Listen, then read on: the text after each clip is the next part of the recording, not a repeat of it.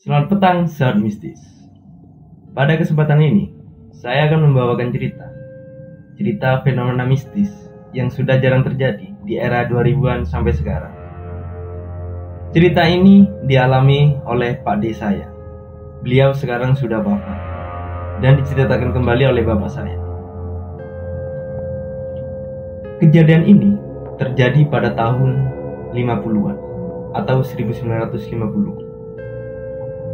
Beliau yang bernama Sutrisno masih berumur 8 tahun. Awal mula kejadian ini, beliau akan berangkat ngaji. Pada hari itu hari Kamis sore, kurang lebih jam 4. Beliau berangkat dari rumahnya untuk menuju musola. Di pertengahan perjalanan, beliau bertemu dengan bibinya pada waktu itu bibinya masih di tidak tinggal di rumahnya intinya. Bibinya itu beda desa dengan beliau yang bernama Sutrisno itu. Pada pertengahan perjalanan, beliau bertemu bibinya dan bibinya mengajak beliau untuk pergi bersama bibinya. Namanya anak kecil dan diajak oleh bibinya sendiri, tentunya mau. Ah, Akhirnya beliau ikut dengan bibinya. Dengan penuh kesadaran, di tengah perjalanan masih berupa bibinya.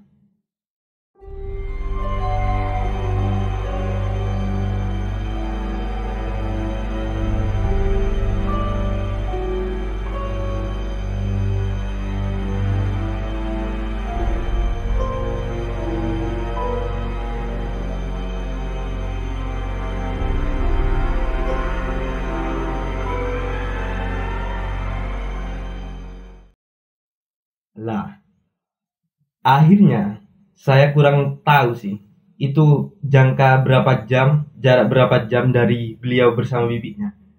Rupa bibinya sudah tidak berwujud bibinya lagi.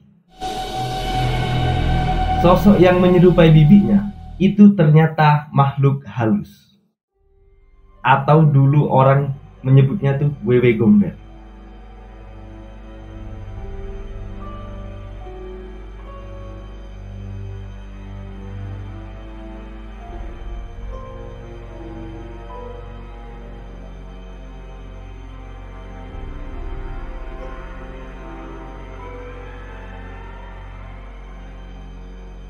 Pertengahan perjalanan, sosok itu sudah berubah wujud.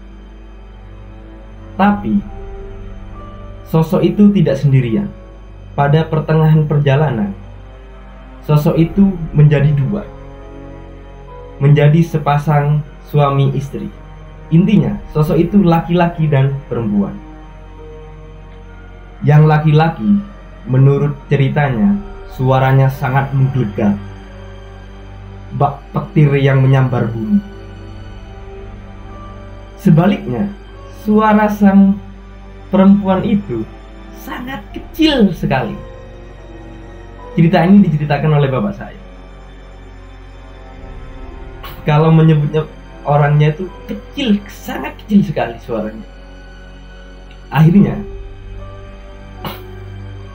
tapi nggak tahu ya, anehnya pada saat itu beliau yang bernama Sutrisno itu dia tidak merasa takut atau tidak merasa aneh.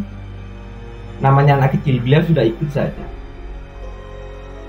Akhirnya beliau diajak jalan, terus menyusuri jalan.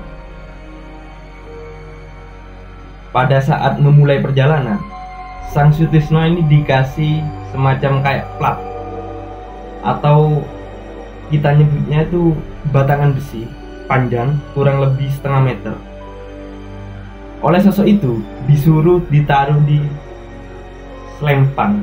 Diselempangkan lah kasarannya seperti itu.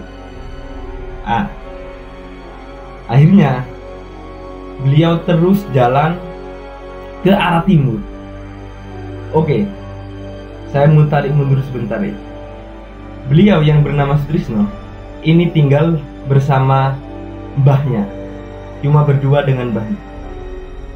Tinggal di desa Curadringu, Kecamatan Tongas, Kabupaten Probolinggo. Seingat beliau, beliau diajak jalan ke arah timur. Hingga akhirnya berhenti di suatu tempat. Dan dua sosok itu menerangkan bahwasanya ini Sentono. Beliau dikasih makan oleh dua sosok makhluk tersebut. Dikasih makan ikan laut, saya tidak tidak tahu detailnya. Dan di situ ikannya itu tidak ada kepalanya. Intinya beliau makan ikan tanpa kepala. Akhirnya, desang dua sosok tersebut menerangkan kalau perjalanan ini dilanjut ke Alas Purwo yang tempatnya itu Sembulungan namanya. Nama tempatnya itu Sembulungan di Alas Purwo tapi entah kenapa menurut dari keterangan cerita misalnya dua sosok tersebut seakan tidak kuat membawa sosok Sutrisno ini membawa Sutrisno ini ke arah timur. Jadi akhirnya beliau dibawa ke arah barat dari Probolinggo ke arah barat.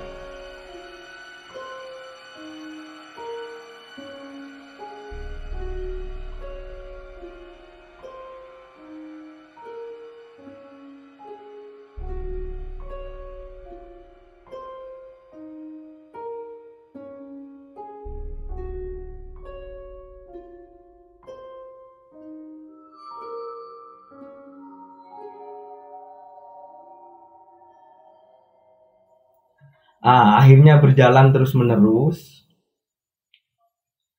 Akhirnya ini singkat cerita sepertinya. Soalnya pada saat perjalanan ini sebagian keluarga saya sudah lupa apa yang terjadi di tengah perjalanan tersebut. Akhirnya Sang Sutrisno ini berhenti di suatu tempat. Katanya sih beliau disuruh istirahat di situ. Beliau dikasih makan kalau orang Jawa nyebutnya itu tajin. Kalau Maduranya itu tajin. Orang Madura nyebutnya itu tajin merah. Uh, maaf, tajin klukur katanya. Beliau dikasih makan di situ dan tidur di situ. Beliau menerangkan bahwasanya tempat itu banyak lemarinya dan ada gapuranya. Akhirnya beliau istirahat di situ. Akhirnya lanjut kelanjutan, beliau sampai di suatu desa. Beliau sudah tidak asing lagi dengan tempat itu. Beliau berhenti di suatu tempat yang beliau kenal itu di kuburan Lecari, perbatasan antara desa Sebandung dan desa Lecari. Beliau tidak asing dengan tempat itu. Soalnya ibu beliau tinggal di dekat kuburan itu. Ah, akhirnya beliau disuruh untuk pulang ke rumahnya. Dua sosok tersebut menunjuk ke arah rumahnya dan berbicara, "Itu rumahmu.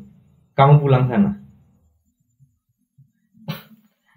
Akhirnya Sang Sutrisno ini berjalan menuju ke arah rumahnya. Lah, setelah jarak kurang lebih 50 meteran, Sutrisno ini dipanggil kembali. Hei, sini sini sini. Sang Sutrisno bertanya bertanya balik, apa? Plakatmu. Ah, suruh kembalikan. Menurut beliau, oh ini ternyata plakat ini yang menyembunyikan saya dari pandangan orang. Akhirnya plakat itu dikembalikan. Akhirnya Sang Sutrisno itu berang apa berjalan ke rumahnya, ke rumah ibunya. Saya kasih gambaran, rumah ibunya dari perjalanan awal ini melewati satu kota Intinya beda kota, dari Kabupaten Probolinggo sampai ke Kabupaten Pasuruan.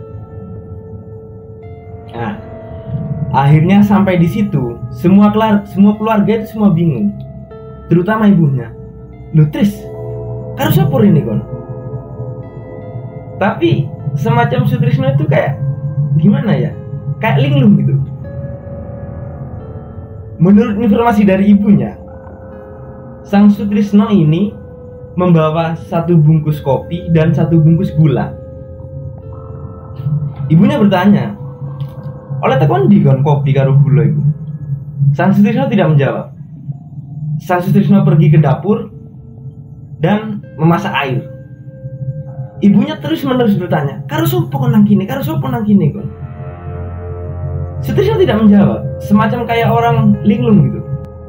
Ah akhirnya sang Sutrisno itu ke dapur memasak air mungkin tujuannya untuk memasak kopi tersebut nah saya kasih gambaran ceritanya pada saat di di air itu mendidih sang Sutrisno memasukkan kopi dan gula tersebut Sang Sutrisno ini meminum airnya langsung padahal suhu itu masih panas. Ibunya berteriak, gendengan Andres. Pada saat itu, Sutrisno ditempeleng akhirnya. Tujuan ibunya takutnya beliau mati. Soalnya meminum air yang mendidih. Nah, akhirnya Sang Sutrisno didudukkan kurang lebih tiga jaman Sang Sutrisno berbicara dengan tenang. Berbicara dengan lancar lah intinya.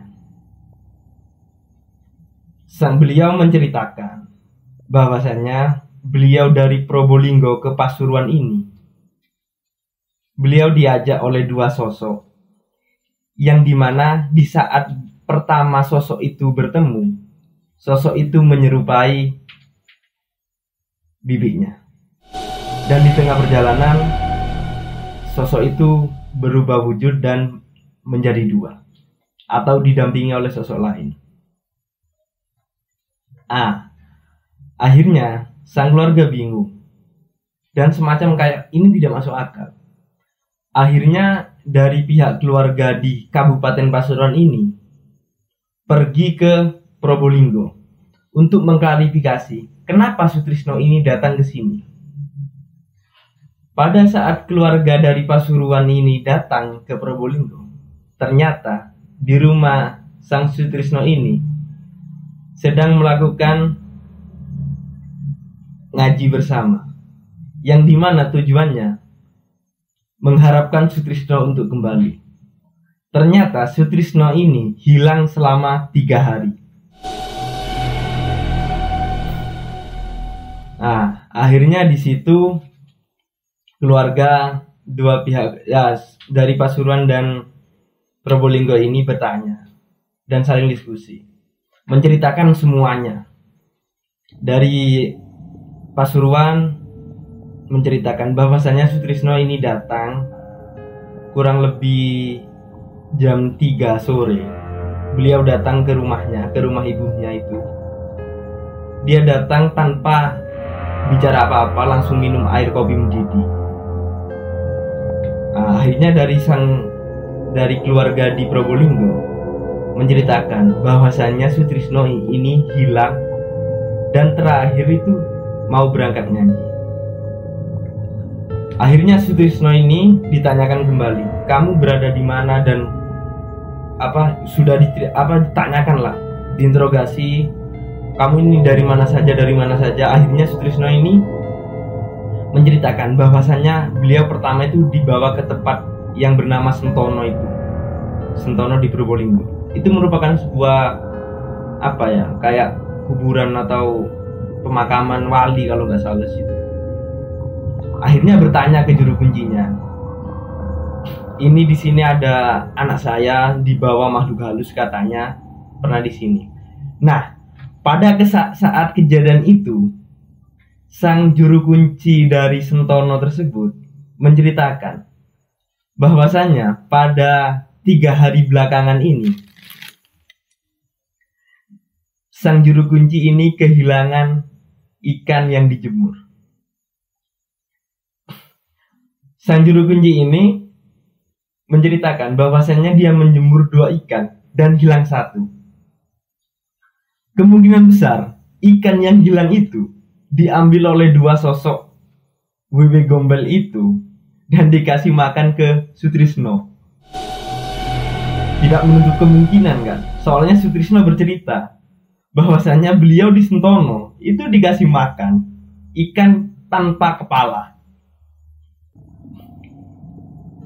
Ah, akhirnya Sutrisno ditanyakan lagi, kamu berada di tempat mana saja? Berhenti di tempat mana saja? Sutisno bercerita lagi bahwasanya beliau berhenti di suatu tempat yang katanya dikasih makan tajin itu katanya. Beliau menceritakan bahwasannya banyak lemari di situ dan ada gapuranya. Kemungkinan besar tempat itu adalah suatu kuburan yang namanya kuburan di daerah Wonokerto. Kuburan tersebut dekat dengan rumah sang ibu tersebut. Beliau menceritakan sampai akhirnya beliau dilepaskan di daerah kuburan yang di desa Lecari tersebut. Akhirnya sang keluarga sudah menemukan dan di situ waktu kehilangan waktu Sutrisno itu hilang tiga hari tiga malam itu dari pihak keluarga dan orang kampung tersebut keliling desa untuk mencari Sutrisno itu. Dulu itu kalau ada kejadian anak kecil diculik jin atau diculik bebek gombal itu, ada tradisi keliling dengan menabuh sebuah kentongan atau apa. Orang orang dulu tersebut ter, orang dulu itu menyebutnya itu duduk neng. Jadi semacam kayak patrol keliling desa sambil ada yang berjoget-joget dan di situ kebudayaannya tuh ya ada satu wanita satu wanita saja itu membuka bajunya sambil berjoget dengan tujuan sang wewe gombel tersebut berjoget mengikuti aluran musik itu ah, sehingga anak, anak yang diculik tersebut dilepaskan tapi apa boleh buat selama tiga hari tersebut tidak membuahkan hasil karena Sutrisno itu dibawa ke arah barat, yang di mana ke arah Pasuruan. Kurang lebih seperti itu sih ceritanya. Kalau fenomena ini, fenomena fenomena ini sekarang sudah jarang terjadi. Entah mengapa, entah bagaimana. Tapi kalau dulu itu sebenarnya sudah banyak yang terjadi anak kecil diculik Wewe Gombel. Sebenarnya saya mendapat banyak cerita tentang cerita tersebut. Tapi saya untuk sementara ini saya mengangkat satu cerita saja. Untuk cerita yang selanjutnya saya akan ceritakan di video selanjutnya. Baik, teman-teman, sahabat mistis, terima kasih telah menonton video ini. Yang belum subscribe, klik tombol subscribe dan aktifkan loncengnya. Apabila Anda kurang jelas dengan narasi yang saya berikan, bisa komentar di link komentar. Terima kasih dan selamat